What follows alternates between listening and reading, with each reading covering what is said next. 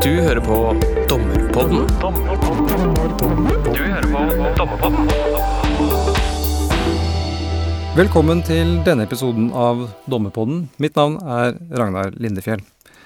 Og dagens episode har vi kalt 'Dommere i krisetider'. Det er jo fra tid til annen kriser, ehm, og det er mange eksempler på ulike kriser som kan ramme dommere og domstoler. Eh, vi har en rekke eksempler fra den, eh, den nære fortid. I Polen kvitter man seg nå med uavhengige dommere ved å senke pensjonsalderen. Det er jo et eksempel på en type krise der eh, den utøvende makt i en stat går til egentlig et bevisst angrep på en annen statsmakt for å forrykke maktbalansen i, i landet. Så har vi terror, hvor ikke-statlige aktører skaper kriser og, og kaos med det, med det, formål å fremme et, et eller annet politisk mål.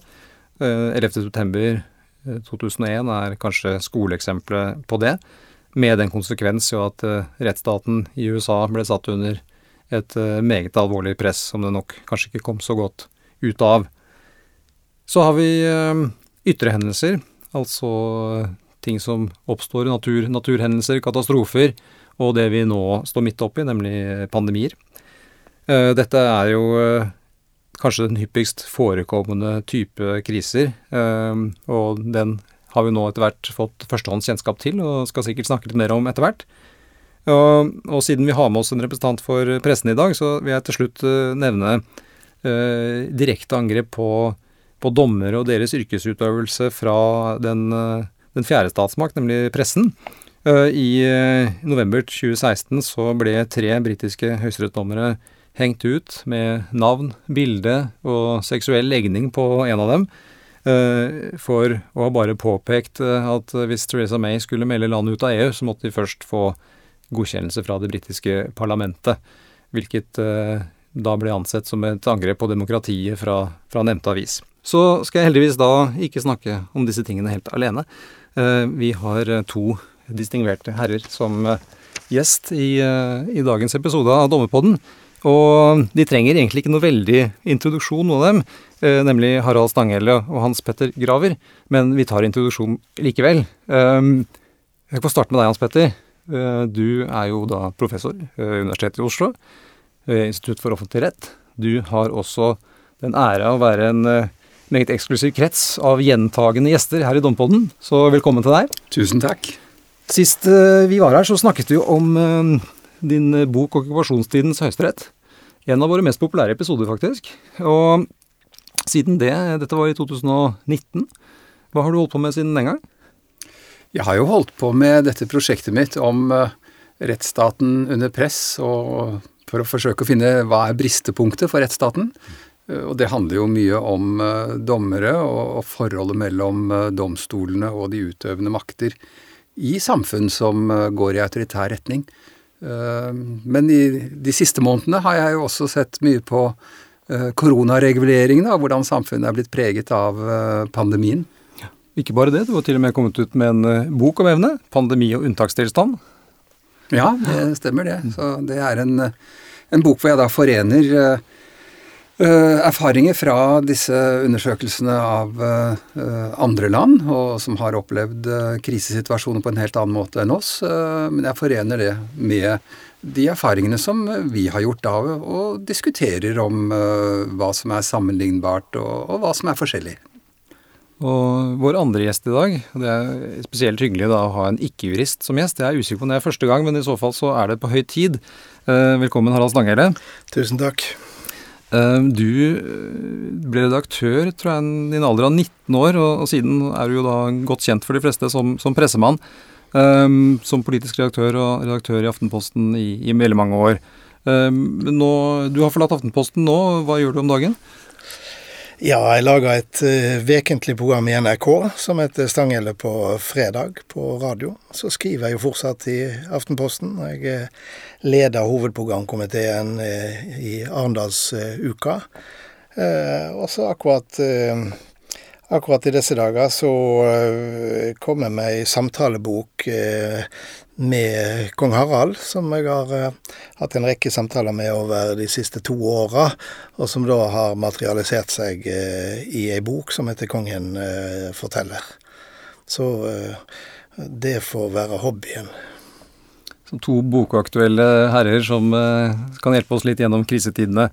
Um, det er jo ikke så veldig ofte uh, at vi i hvert fall i et land som vårt da, møter uh, kriser. Um, og kanskje, Hans Petter, kanskje du ville starte med å si litt om hva slags type kriser er det man typisk kan møte, og hvilken, hvilken påvirkning, innvirkning har det på, på rettsstaten og domstolene? hvis du har noen gode eksempler på noe sånt, så får sette, litt i, sette tonen litt? Grann. Ja, altså hvis, hvis, vi ser litt utover Norge altså En type krise er jo den type naturkatastrofe eller pandemi som vi står overfor nå, hvor uh, hele verden er uh, rammet på en dramatisk måte, også vi. Men ellers så er jo ofte, ofte så er det jo snakk om politiske kriser, altså hvor det oppstår store politiske spenninger i samfunn. Uh, som kan være utløst av forskjellige ting. kan være utløst av ytre fiender, altså en situasjon hvor et land føler seg, eller en gruppe i et land føler seg truet. Det kan være indre uroligheter. Det kan være en uh, dynamikk som utvikler seg, som vi ser i USA for tiden. Uh, eller i og for seg også brexit er jo et eksempel på det, som du nevnte i innledningen. Så det er veldig mange forskjellige situasjoner, da. Uh, når det gjelder domstolene og dommernes rolle, så er vel det gjennomgående trekket er at eh, domstolene eh, i liten grad uh, blir direkte berørt i sånne situasjoner. Altså at domstolene trekker seg tilbake, og at det blir forventet at domstolene skal trekke seg tilbake. Med mindre det er sånn at det er domstolene som er direkte utsatt for angrep, sånn som i Polen og Ungarn, som du nevnte. Ja, Stanghelle, vi jo, står jo nå midt oppe i en, en pandemisk situasjon. Ehm, hvordan ser du på det i forhold til f.eks. For domstolene? Altså, Hvis jeg kan få lov til å gå en omvei ja. til, til, det svaret, så eh, i tillegg til det Hans Petter nevner, så har du jo også en annen situasjon, og det er jo når et samfunn eh, eller de politikerne som styrer i et samfunn, får en form for eh, moralsk eller handlingsmessig panikk. Og da er du gjerne i en situasjon der også domstolene blir, eh, eh, blir på en måte berørt av dette.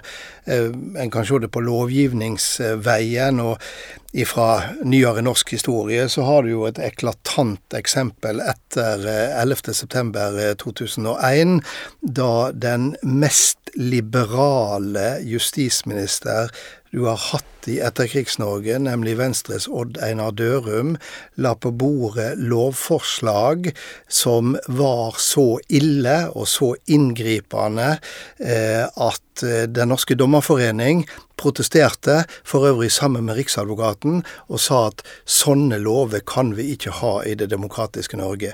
Og det er for meg et veldig godt eksempel på hva som kan skje når panikken tar et samfunn. Det fantes ikke noe vondt i Odd Einar Dørum, og er det fortsatt ikke. Men til og med han makta ikke å holde fast ved prinsippene, fordi kravet i et samfunn var at dette må ikke skje her. Har vi lovgivning eh, god nok? Og så slengte han dette på bordet. Og så ble altså det stoppa av utøverne dommere og riksadvokat. Det er ganske eksepsjonelt, og dessverre så er det ganske talende for det som kan skje i et samfunn. Vi så jo noe litt lignende nå også med de første lovforslagene til korona, koronalov. Men minn oss på, Harald, hvilke, hvilke konkrete inngripende tiltak var det som ble foreslått av, av Dørum i den, den, tiden, for de som ikke husker så godt? Ja, altså, Nå husker ikke jeg heller et lovforslag fra høsten 2001. Jeg skrev ganske mye om det de gikk kanskje på overvåking? den, den gangen. Men det gikk, på, det gikk på inngripende overvåking. Det gikk på eh, hvor, hvor, langt en kunne gå uten domstolskontroll. Eh, litt sånne klassiske problemstillinger. Eh, det hadde vært interessant å sett hvor mye av dette lovforslaget som vi i dag ikke reagerer på, fordi vi i løpet av disse snart 20 årene har vent oss til et, et inngripende storebrorsamfunn som vi den gangen protesterte ellevilt mot. Hvor kommer dette da fra? Altså, hvilke krefter er det som, som, som, trekker den retningen? Hvem er det noen statsmakt som Det er åpenbart kommer fra regjeringen, ikke sant? Men hva er det at, eh, hva er det som gjør at vi blir så lett tilbøyelig til å kanskje akseptere den type krefter da, i en krisesituasjon?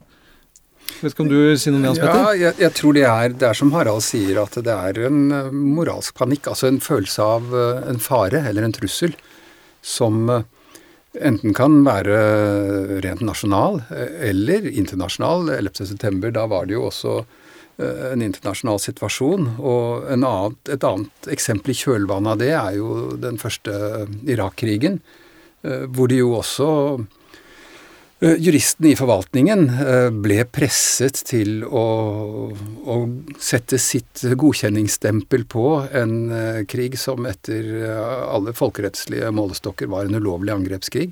Men det er ganske fascinerende hvordan dette man gransket i ettertid i Storbritannia. Hvordan den engelske regjeringsadvokaten og rettsavdelingen i UD Uh, først kom opp med en konklusjon om at dette var ulovlig, men ble presset av Tony Blair og regjeringen til å uh, endre konklusjon og også være med på å føre parlamentet bak lyset, f.eks. Så det, det, er et godt eksempel der. En har jo flere eksempel på det, og hvis en går til Norge da, og tar tar eh, to eksempler med 70 års mellomrom. Eh, to eksempler som i begge tilfellene så var det Jurist-Norge som reagerte. Eh, og Det ene var de såkalte beredskapslovene som var lagt fram i 1950. De ble kalt for de svarte lovene, og var ekstremt inngripende i tilfelle det ble krise og krig og de var så inngripende overfor eh, politisk opposisjonelle. De kunne fengsles uten lov og dom, de kunne interneres. Eh, og det skjedde jo i frykten i starten etter den kalde krigen, ble lagt fram av eh, justisminister Ose Gundersen, eh, senere høyesterettsdommer. Det var regjeringa Gerhardsen, og det var ei underlig blanding av rettsliberale innenfor Høyre med den tidligere statsadvokat Jon Lyng, som da var Høyres leder, eller han var en av Høyres viktigste personer, og eh, radikale krefter eh, i Norge som til slutt fikk omarbeida og stoppa denne lova, og gjøre den mer eh, eh, forankra i vårt rettssystem. Det andre eksempelet bare, før du går til det, for jeg, jeg, tror kanskje du er litt for vennlig mot uh, juristene der. Altså Jon Lyngs rolle er uomtvistelig og Høyre. Mm. Og de radikale var jo kommunistene, fordi de følte jo at dette var rettet mot dem, og det var det jo. Altså Dette var jo pga. den kalde krigen og kommunisttrusselen. Mm. Men det juridiske establishment støttet jo dette, og, og de to store rettsstatspilarene, Jo Sandnes og Frede Castberg, krever betenkninger hvor de gikk god for eh, dette langt på vei. Og, og det var jo verre enn det Altså, det var jo andre ting også. Det var uh, adgang til uh, forhåndssensur av ytringer. Og også adgang til å opprette standrettsbehandling med mulighet for å avsi dødsstraff uten ankemulighet. Så dette var, dette var virkelig kraftig kost, altså. Det siste gjaldt nå hvis det var erklært en krigssituasjon. Ja. Det må mm. legges eh, ja. til. Mm. Men det var ei gråsone her i, i, tid som gjorde denne så skummel. Eh, og ikke minst eh, hvordan en definerte en indre fiende eh, som, mm. som, gjorde. Og jeg skal love deg, Hans Petter, jeg skal ikke gjøre det til en vane å være for vennlig overfor juristene, men, men, men, men det fantes en del jurister som engasjerte seg i dette, ikke bare i så radikale som i det norske norske kommunistpartiet, men også i kretsen rundt Dagbladet, altså det liberale Venstre, mm. eh, som var en del av, ja, av dette. Og til slutt så, eh, så ble lovforslaget kraftig moderert under stortingsbehandlinga. Eh, 70 år etterpå så har en jo en ikke parallell situasjon. Eh, situasjoner er aldri parallelle. Men en hadde en situasjon der regjeringa legger fram et enormt inngripende fullmaktslov, som ble stoppet av Hans Petter Graver og en håndfull andre eh, jurister. Veldig interessant eksempel fordi at eh, det var ingen som visste om dette, nesten. Eh, opposisjonen hadde godtatt ei hemmelig behandling og underhåndsbehandling der regjeringa og opposisjonen mm. snakka seg sammen om eh, dette. Eh, det skulle vedtas i løpet av eh, eh, den knappast mulig tid. Eh, media interesserte seg ikke for det, eller kanskje ikke skjønte hva det var for noe. Og så kommer det altså en håndfull jurister som sier at nei, stopp, dette går ikke. Og så velter det det hele i, i, i løpet av veldig kort eh, tid. Og for meg er dette to veldig interessante eksempel eh, på to ting. Det ene er at eh, regjeringene, i beste mening kanskje, er villig til å gå veldig langt hvis bare panikken eh, er der og prinsippene eh, ikke er på bordet. Og det andre er at eh, en våken intellektuell offentlighet, i dette tilfellet i form av jurister, eller også ei våken presse, er helt, helt, avgjørende for at vi ikke steg for steg havner på ville veier her. Ja. Hans Petter, kanskje du kunne fylle ut litt med hva var det det forslaget egentlig inneholdt, og hva var det som gjorde at du og med flere reagerte på det? Altså det var jo, I innhold kan det jo ikke sammenlignes med beredskapsloven fra, fra 50-tallet. Eh, men det som eh, det inneholdt, var eh, en helt uavgrenset fullmakt til regjeringen til å gi forskrifter, også til å fravike fra gjeldende lovgivning. Over ganske lang tid. Over ganske lang tid. Og dette skulle jo være Det var jo saklig begrenset til å avbøte konsekvensene av pandemien og bekjempe pandemien. Men det var en veldig lav terskel for vurdering av nødvendigheten. Så regjeringen skulle altså kunne gi denne typen lovgivning uten å konsultere med Stortinget, og med en Eh, parlamentarisk kontroll som eh, var lagt opp slik at den i praksis ikke ville kunne bli særlig effektiv. I hvert fall ikke hvis eh, et sånt samarbeid som det var lagt opp til mellom regjeringen og ledende partier på Stortinget, fortsatte. Det mente vel da mange var grunnlovsstridig? ikke sant? Ja, altså det er jo Vi har jo en ganske vid adgang til delegasjon i norsk tradisjon. Men alle er enige om at et eller annet sted går det en grense. Og, og, jeg tror nok at uh, i hvert fall mange er enige om at den grensen var overskredet i dette tilfellet. Mm. Kunne man også tenke seg at dette, det avhenger kanskje litt av kategorien krise man står overfor? Altså, dette var en pandemi. Uh, man kunne tenke seg at, at, man er i en krigssituasjon under et angrep. altså at det, Er det en, ja, det er en elastisitet ja. i dette her? Altså, nå, Kommer man nå på grensen mot en slags konstitusjonell nødrettstankegang, ikke sant, eller mm. sånne ting?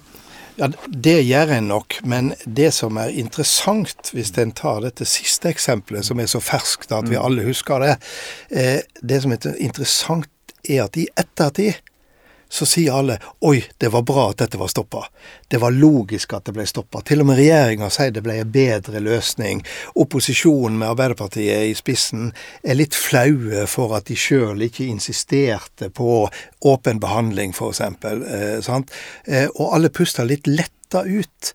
Men de var jo bare fem centimeter fra å gå utfor den kanten de var i ferd med, hvis det ikke hadde blitt slått alarm akkurat to-tre dager før dette faktisk ville blitt banka gjennom i, i, i Stortinget.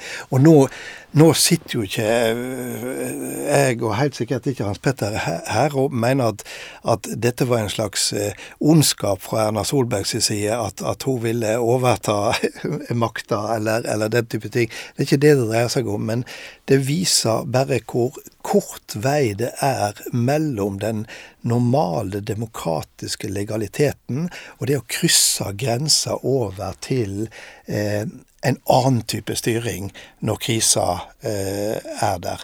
Og husk på at den lova som vi har i dette land, som er mest inngripende i forhold til enkeltpersoner, i forhold til, til, til samfunn, det er smittevernlova. Og hvorfor er det ingen som har protestert på det?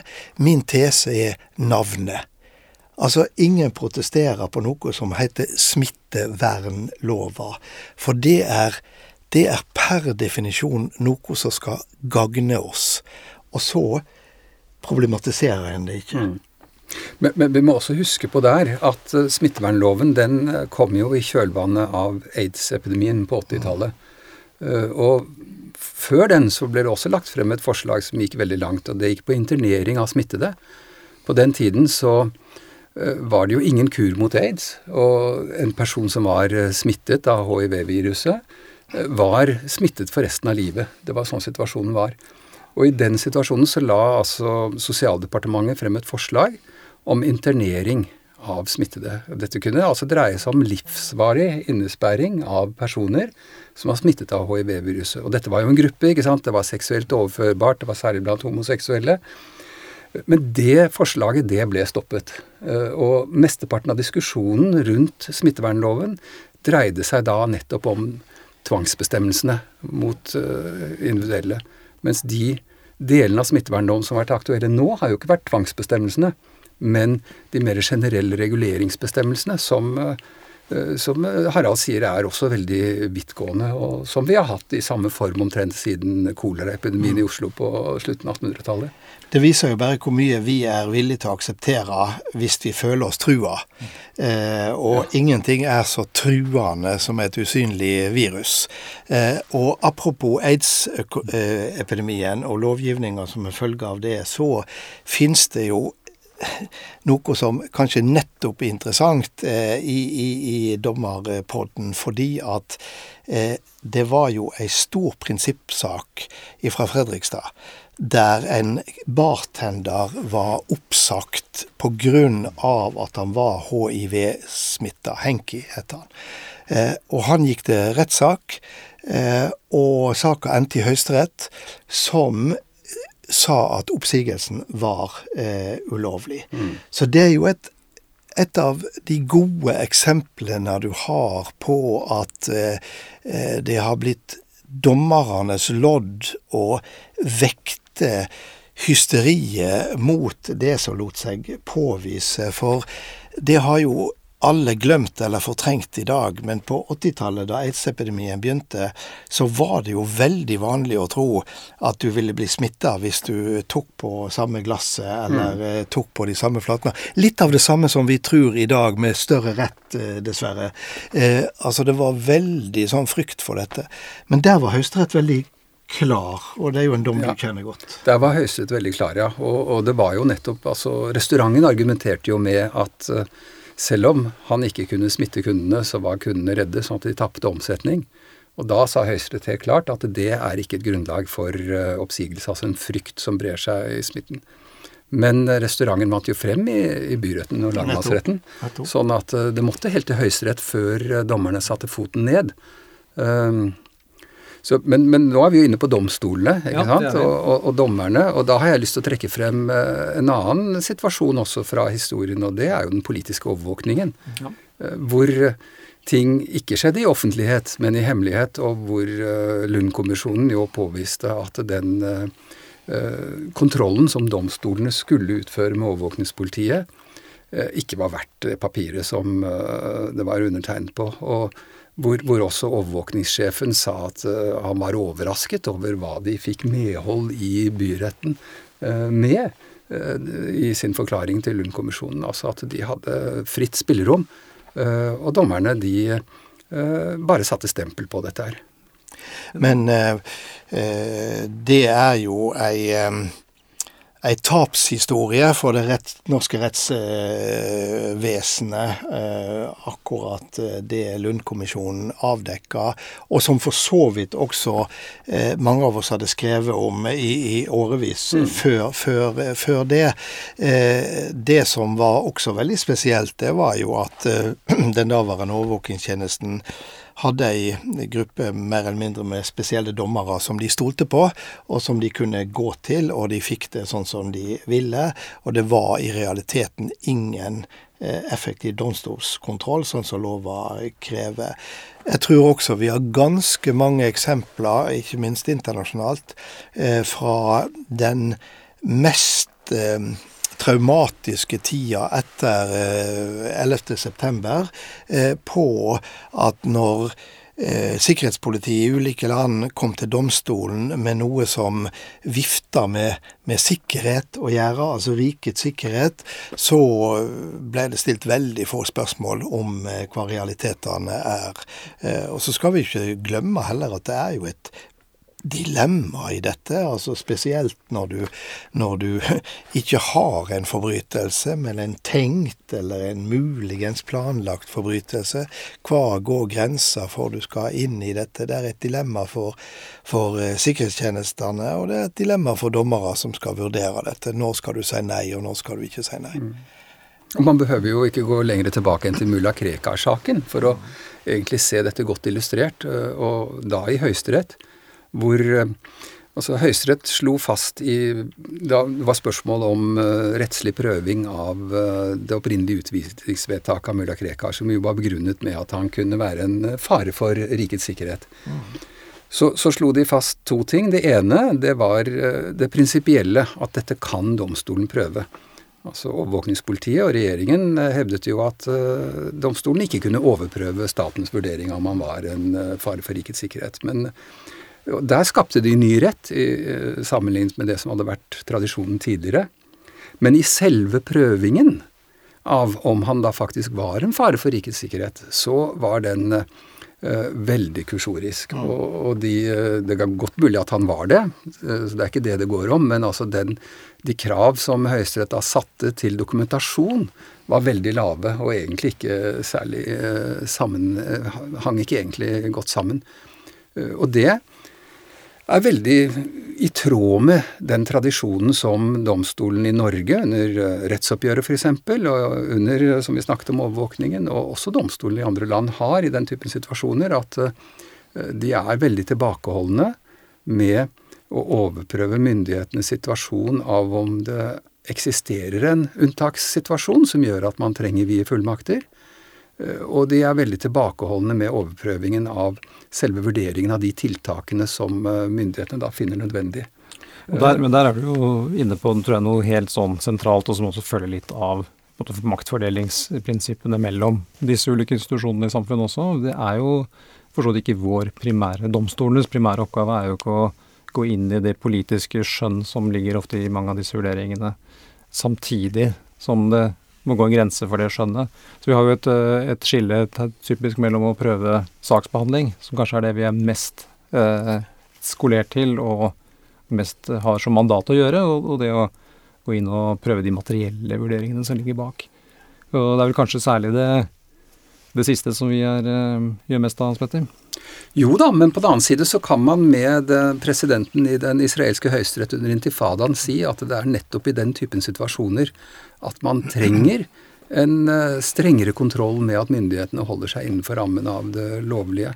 Altså nettopp si det motsatte av det som er det, vår tilnærming, og tilnærmingen i teori og praksis, om at man må gi myndighetene et videre handlingsrom i ekstraordinære situasjoner, til å si at i den typen tilspissede situasjoner så er domstolskontrollen nettopp nødvendig og berettiget.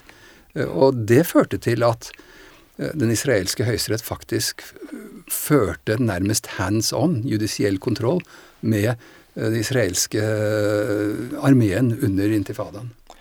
Det er jo litt fascinerende. Det, det, er en, det, er et sidespor. Men akkurat nå så er det jo til dels åpen krig mellom Netanyahu-regjeringa og israelsk høyesterett på flere områder. Nettopp fordi at israelsk høyesterett Eh, går inn og prøver saker som, som eh, opp mot eh, israelsk lov, og der det, spesielt på den israelske høyresida, blir betrakta som ren politisering av, av Høyesterett. Det er klart, også i vårt land så er det jo gråsoner mellom det som er politiske vurderinger og rettslige vurderinger. Eh, det fins gråsoner her. Men det som jeg gjerne skulle sett mer av, det er jo eh, en slags dommererkjennelse av at det er gråsoner, og i ei gråsone har det rettslige en plass. Eh, det er ikke viska ut, det er der fordi at det er for meg en slags ansvarsfraskrivelse å si at dette er så komplisert, dette er politikk, dette er det store bildet. Eh, eh, da tror jeg rett og slett at en gjør seg sjøl og sin egen rolle for liten. Jeg tror også det. Og, og her er det jo egentlig et samspill mellom tre forskjellige typer faktorer. Altså du har det, det rettslige, Eh, som jo er vårt domene, noen eh, dommere og, og, og, andre jurister. Eh, og så har du det politiske, som vi snakket om. Men så har du det faglige, altså at ting må være rasjonelt begrunnet ut fra en faglig tilnærming. Og det ser vi jo veldig tydelig nå i den situasjonen vi er i. Og når man da skal vurdere de tiltakene som myndighetene setter inn, særlig hvis det er snakk om tiltak som griper inn i individenes rettigheter og utfoldelse, så, så, må det jo for det første være tiltak som er egnet til å øh, realisere de målene som man har satt, altså her å bekjempe smitten. Og det er en rent faglig medisinsk vurdering i første omgang. ikke sant? Er dette tiltaket egnet? Og så er det andre elementet er er dette tiltaket nødvendig, eller kan man nå de samme målene med tiltak som er mindre inngripende? F.eks. ta hytteforbudet. ikke sant? Altså Kunne man uh, ha nådd det samme målet om å uh, ikke ha en for stor belastning på det lokale helsevesenet ved å sette som vilkår om at folk ikke kunne oppsøke helsevesenet i kommunen i den hytten de var, men at de måtte reise hjem hvis de ble syke. ikke sant? Altså Det kunne vært et mindre inngripende måte å gjøre det på. Og så kommer det tredje elementet, som er det politiske. Uh, og det er jo hvor skal terskelen gå? Altså hvor, hvor høy risiko skal vi akseptere? Det er en rent politisk vurdering. Og, og jeg mener domstolenes ansvar her burde være og, og, det ble det jo også, i parentes bemerket, i koronaloven. Der fikk man en bestemmelse som gikk lengre enn eh, vi vanligvis går. Domstolenes rolle bør jo være å sjekke legaliteten. Altså er det hjemmel? Er saksbehandlingen ok? Og bygge vurderingen på et uh, solid faglig grunnlag. Og det er det jo sakkyndige som må si, men, eh, men, men det kan domstolene sjekke. Og så er det opp til politikerne. Det politiske skjønnet er jo nettopp da graden av risiko osv., som jeg er helt enig i at domstolene vanskelig kan gå inn i. Det politiske skjønnet vil jo også være bygga på ei interesseavveining. Og det er jo akkurat i, i eh, koronapandemiens tid, så er det jo den diskusjonen du ser i land etter land.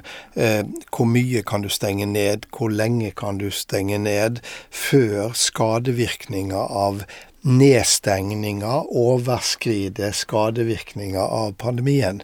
Eh, det er jo den kjernespørsmålet der det er gitt ulike svar i ulike eh, land, eh, som i og for seg er veldig interessant i seg sjøl, men det er neppe temaet for akkurat denne samtalen. Nei, og Det er ikke så lett for en dommer å men, men, du har jo også interesseavveininger. F.eks. den grusomme interesseavveiningen som var i innledning, de innledende fasene hvor eh, Helsedirektoratet jo ga et rundskriv om at personer som var innlagt på sykehjem, ikke skulle få sykehusbehandling. Fordi man var redd for å belaste sykehusapparatet for mye. Det betyr altså at eh, noen av de aller svakeste blant oss ble overlatt til å, å kjempe liv og død, og mange av dem døde, uten behandling. Fordi man måtte sikre at det, hvis det skulle bli nødvendig, at vi andre kunne få behandling. Og så ble det jo ikke nødvendig. ikke sant? Det var en type interesseavveining som jo var øh, ganske brutal.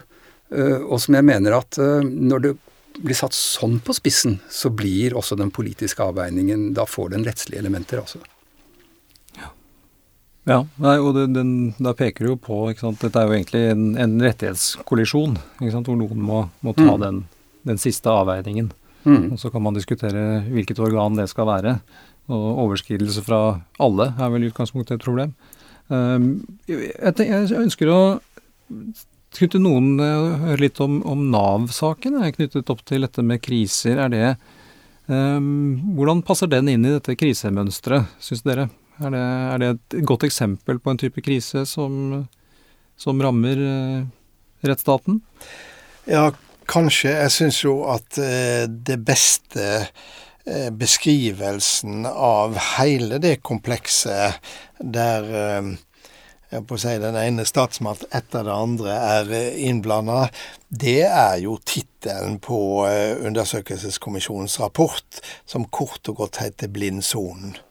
Eh, og tror kanskje at eh, det sakskomplekset er et godt eksempel på at eh, i et samfunn, i våre institusjoner, eh, i regjeringsapparat, byråkrati, eh, direktorat, så oppstår det en relativt sjelden gang ei sånn sammenfallende blindsone der ting rett og slett går galt. Men hvorfor oppsto den blindsonen her? Det, det var ikke noe krise i den forstand. Jeg vil ikke si det var en krisesituasjon. Men jeg vil si den har elementer av uh, unntakssituasjon. Uh, og det, eller det ekstraordinære. Det ekstraordinære her, det er jo EØS-retten. Uh, og EØS-retten er et stort felt som er stort sett fremmed for norske jurister. og det gjelder jo ikke bare innholdet av alle reglene. For sånn er det jo på alle områder. ikke sant? En ekspert på skatterett uh, har ikke stor innsikt i plan- og bygningsrett osv. osv. Men det som er det ekstraordinære, er at dette er et rettssystem med sin egen metodiske tilnærming. Uh, som norske jurister ikke har satt seg godt nok inn i. Uh, både når det gjelder grunnprinsipper om fri bevegelighet, og den metodiske tolkningstilnærming som EU-organene bruker. Eh, og den situasjonen er ekstraordinær, for vi har jo aldri hatt den typen innføring en blokk av en sånt regelsystem inn i norsk rett. ikke sant? Det er det ekstraordinære, og det klarte altså ikke systemet å håndtere på en god måte, og det viste seg i Nav-krisen. Og det viste seg jo på flere nivåer, både i forvaltning og, og i domstolene. På, på alle nivåer, på alle og på universitetene og, og på universitetene, overalt. Ja. Mm. Jeg, tror det er en dekkende beskrivelse. Eh, og så kanskje med ett eh, tillegg, og det er at eh, jeg har jo veldig liten tro på det objektive mennesket. Og jeg har like liten tro på den objektive dommer. I den forstand at vi er alle et produkt av eh, oss sjøl, eh, samfunnet vi lever i, og ikke minst produkt av den samfunnstemperaturen som er utafor våre faglige rom. Og i dette tilfellet så veit en jo at det som bekymra det politiske Norge, det som Media-Norge gjorde mye ut av, det var jo kampen mot trygdemisbruk. Og når det ligger der som en slags mm. resonansbotn, så har en tendens til å leite etter elementer som også i den enkelte sak som havner på et dommerbord, havner i Trygderetten, leiter etter det som eh, støtter opp under jakta på trygdemisbrukeren, istedenfor å flytte det indre blikket og leiter etter det som gjør eh, denne karen eller denne kvinna eh, til en eller ei som rett og slett bare tar ut rettighetene sine. Og jeg syns, jeg syns nok egentlig at det snakker vi for lite om, og jeg er ikke helt sikker på hvor eh, tilstedeværende dette er eh, eh heller i, i, i dommermiljøene. Nei, altså det det, jeg kan ikke snakke for alle dommere der, men jeg, vi har jo eh, hatt eh, bl.a. en episode i Dommerpodden hvor vi har snakket en del om beslutningsprosesser og det som du beskriver, som jo er et sånn bekreftelsesskjevhetssyndrom, kan man si. Og, og, og selvfølgelig denne kanskje vanskelige uh, mentale skiftet man må gjøre da, når man f.eks. sitter og har en rekke med straffesaker. Eh, Kanskje med en, eh, et klientell som kan være ganske likt, ikke sant. Og det å, å, å, nullstille seg fra sak til sak og tenke at nei, men det er ikke nødvendigvis Vi skal ikke se på dette fra fellesskapets ståsted, alle er trygdemisbrukere, men hva er som tilsier at denne personen ikke er skyldig, ikke sant. Så det er klart, det der er jo et, et systemisk, eh, en systemisk utfordring som jeg tror alle som jobber med dette til en viss grad lider under. Og hvis vi ikke innrømmer det, så tror jeg vi ikke kanskje er helt ærlige med oss selv. Eh, Så det er jo et eh, helt riktig fenomen du påpeker. Og jeg tenkte i forlengelsen av det, og kanskje for å eh, Vi kunne jo snakket om dette i timevis, eh, merker jeg. eh, Bare å la dere løpe av gårde. Men, men i forlengelsen av det, og kanskje litt som begynnelsen på en avslutning, hva, hva tenker dere måte, er de største utfordringene da, for, for dommere? Du har nevnt dette med bekreftede skjevheten, Stanghelle. Eh, Jeg nevnte innledningsvis eh, denne forsiden i Daily Mail, som også apropos press utenfra, ikke sant. Eh, Hvordan er det for, eh, for oss å bli utsatt for den type ting? fra Spør deg som pressemann, hva, hva syns du om et sånt fenomen? Altså øh, eh, Det er sikkert en del dommere som vil være uenig med meg, men jeg syns nok at eh, norske dommere blir veldig eh, snilt behandla av norske medier og norske journalister. Det er uhyre sjelden at en dommer blir hengt ut for noe. Snarere tvert imot. Du har en god del eksempler på at dommere blir helter. En av de store heltene i vår tid var jo eh, Wenche Elisabeth Arntzen i 22. juli-saka, for å ta et veldig spesielt eksempel, men også et eksempel der det motsatte kunne ha skjedd.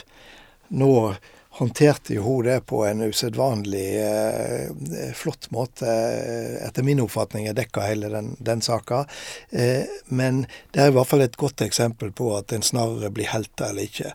Hvis en ser på de mange justismordene som ble avdekka, til dels svært grove, eh, tidlig på 2000-tallet, det rant jo inn, eh, for å si det litt eh, brutalt. Eh, så gikk dommerne nesten uten unntak fri. Eh, det var, jeg tror ingen, hvis du spør folk flest, til og med jurister, kan huske hvilke dommere som eh, knuste livet til Fritz Moen, f.eks. Eh, så det er jo min påstand, at det er en slags Det er et av de få, et av de få eh, tilfellene der media fortsatt er ganske tilbakeholdne. Det er ganske sjelden å se et, et eh, kommentator- eller lederplassangrep på en dom, f.eks. Vi godtar den på en måte. Eh, så sånn sett så eh, Altså, jeg er helt sikker på at mange dommere ikke kjenner seg igjen, men jeg, jeg, vil jo si at, at sånn sett så er dommere en av de få yrkesgruppene som, som lever i et slags lykkeland. Ja, Lykkeland, ja det er en beskrivelse jeg kjenner meg godt igjen i. Ja. Um, er du enig, enig i dette, Hans Petter? Ja, jeg er, eh, jeg er enig i det. Jeg var redd for at du skulle være det. En langt på vei dekkende beskrivelse. Mm. Men jeg tror at eh, når man eh, spør seg hvordan påvirkes dommere, så er det jo ikke bare det med bekreftelsessyndrom og sånn, som dommerne også er utsatt for, men eh, i en eh, krisesituasjon, i en situasjon med sosial panikk, så er jo dommerne mennesker, ikke sant. Så de blir utsatt for de samme typer av påvirkning. Eh, Og det vil jo også prege deres krav til hjemmel og deres syn på nødvendigheten av tiltak. Så det er jo det ene. Og det andre det er at eh, etter hvert som dette blir eh, krav i befolkningen, altså at befolkningen blir redde, så vil jo de som stikker seg ut og går imot dette her, bli gjenstand for eh, mye hardere kritikk. Så jeg tror at i en sånn situasjon, og det er sånn man må forklare eh, selv om britisk presse og norsk presse er veldig forskjellig, men det er jo sånn man må forklare denne Daily Mail-oppslaget. ikke sant? Den veldig polariserte situasjonen i Storbritannia om brexit, som da ender med at de behandler dommerne på den måten. Og så tror jeg nok også at en må erkjenne at eh, er krisa stor nok, frykten stor nok, samfunnet du er en del av, rammer hardt nok, ja, så eh, blir dommeren også borger av det samfunnet som blir ramma.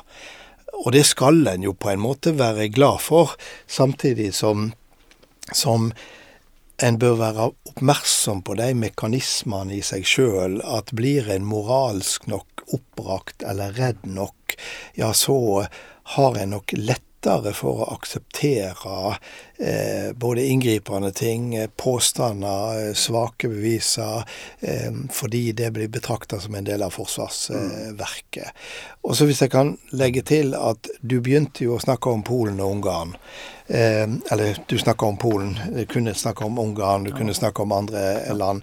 Men det du har sett der, er jo ei politisk villa påvirkning av domstolene. Altså, du har ønska å sette inn dommere med et eh, et visst politisk eh, grunnsyn for å få samfunnet, inklusiv domstolene, i den retning eh, du sjøl vil.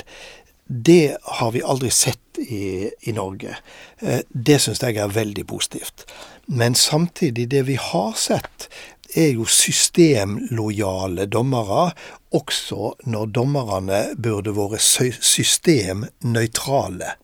Og det er forskjell på å være systemlojal og systemnøytral.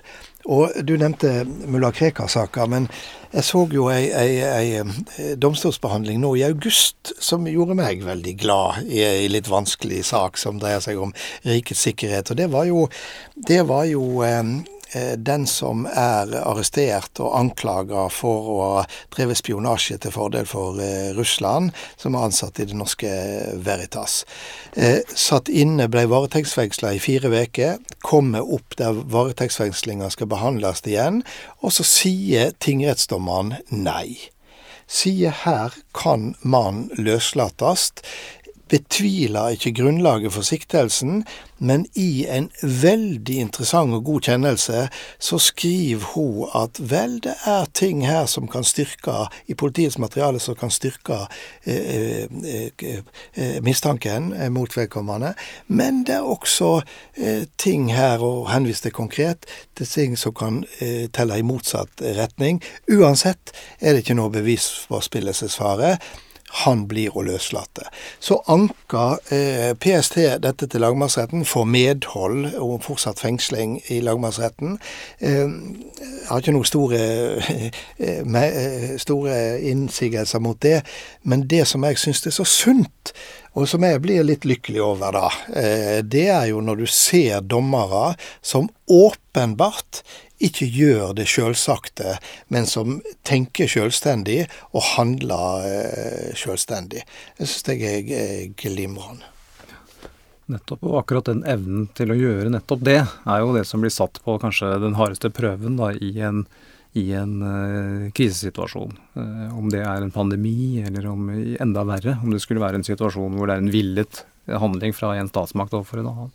Um, til en avslutning, dere, hva er deres beste råd mot uh, å havne i en sånn, en sånn situasjon? Hvordan, hvilke verktøy skal vi, skal vi hente fram når det blir ordentlig varmt mellom øra våre?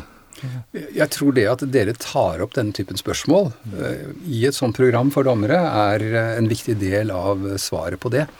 Jeg har holdt noen foredrag for, for dommere om sånne ting, og så har jeg spurt dem i hvilken grad diskuterer dere sånne ting mellom dere. Eh, i lunsjen eller eh, på kontoret, og, og, stort sett så sier de at sånne ting diskuterer de aldri.